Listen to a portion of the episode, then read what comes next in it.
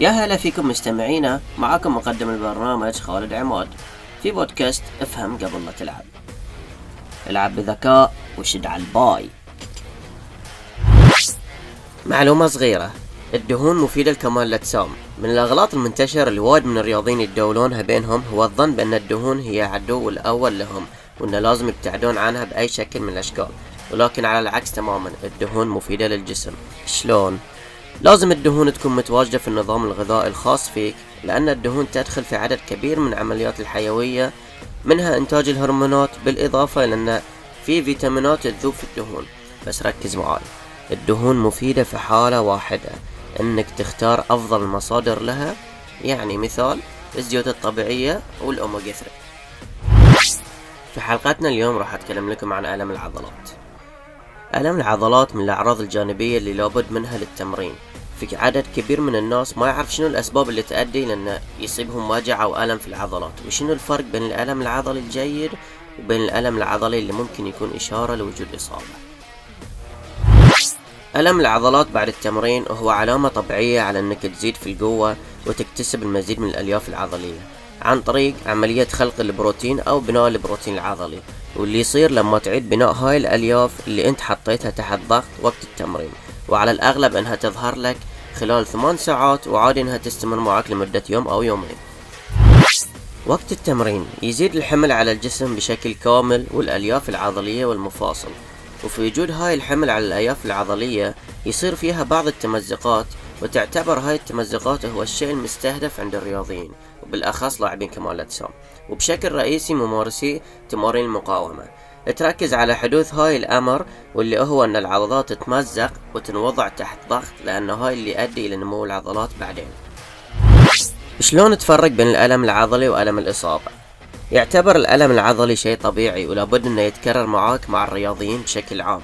في أي مستوى سواء كانوا مبتدئين أو محترفين. بس المبتدئ ما يقدر يفرق بين الألم الجيد أو ألم الإصابة اللي ممكن يمنعه من التمرين نهائيا. لما يظهر الألم العضلي في نفس الوقت التمرين أو بعده بشكل مباشر يكون على الأغلب السبب هو أنك راح تتعرض لإصابات رياضية. أما إذا كان الألم مثل ما خبرتكم سابقا يظهر خلال ثمان ساعات أو خلال يوم ليومين يعتبر وقتها أن الألم طبيعي. وهاي الشيء الجايز ووارد حدوثه لكل الرياضيين.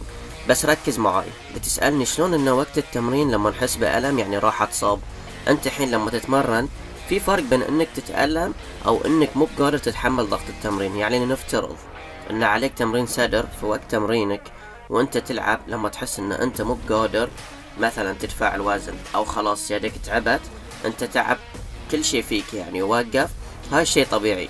لكن غير عن أنت قاعد تتمرن وقاعد يصيدك ألم مثلا في كتفك وأنت حاط في بالك إنه هاي عادي مال التمرين أو زيادة الوزن بالعكس هاي الغلط منك ممكن يكون من التكنيك أو من الوزن إنك مو بقادر عليه.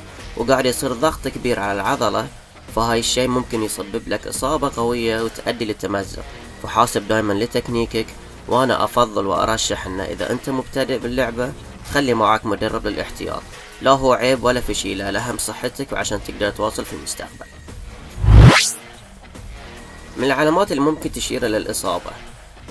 أولا الشعور بالألم وقت التمرين أو بعده مباشرة. ثانيا أنك ما تقدر تحرك مفاصلك في أي جهة بشكل طبيعي. ثالثا وبعد أنه ممكن يطلع لك ورم أو انتفاخ في مكان جسمك عقب التمرين. فالأفضل إذا أنت كنت تحس بألم مو طبيعي في وقت تمرينك أو عقب تمرينك على طول. أخذ نفسك وروح لدكتور مختص وإنك توقف شوي ما تتمرن أي تمرين رياضي يحتاج فيه حركة إلا بعد ما تستشير الدكتور.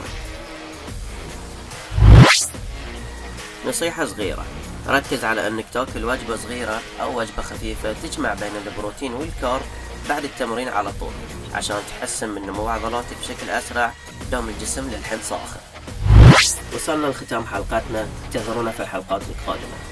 ولا تنسى العب بذكاء وشد على الباي يلا سلام.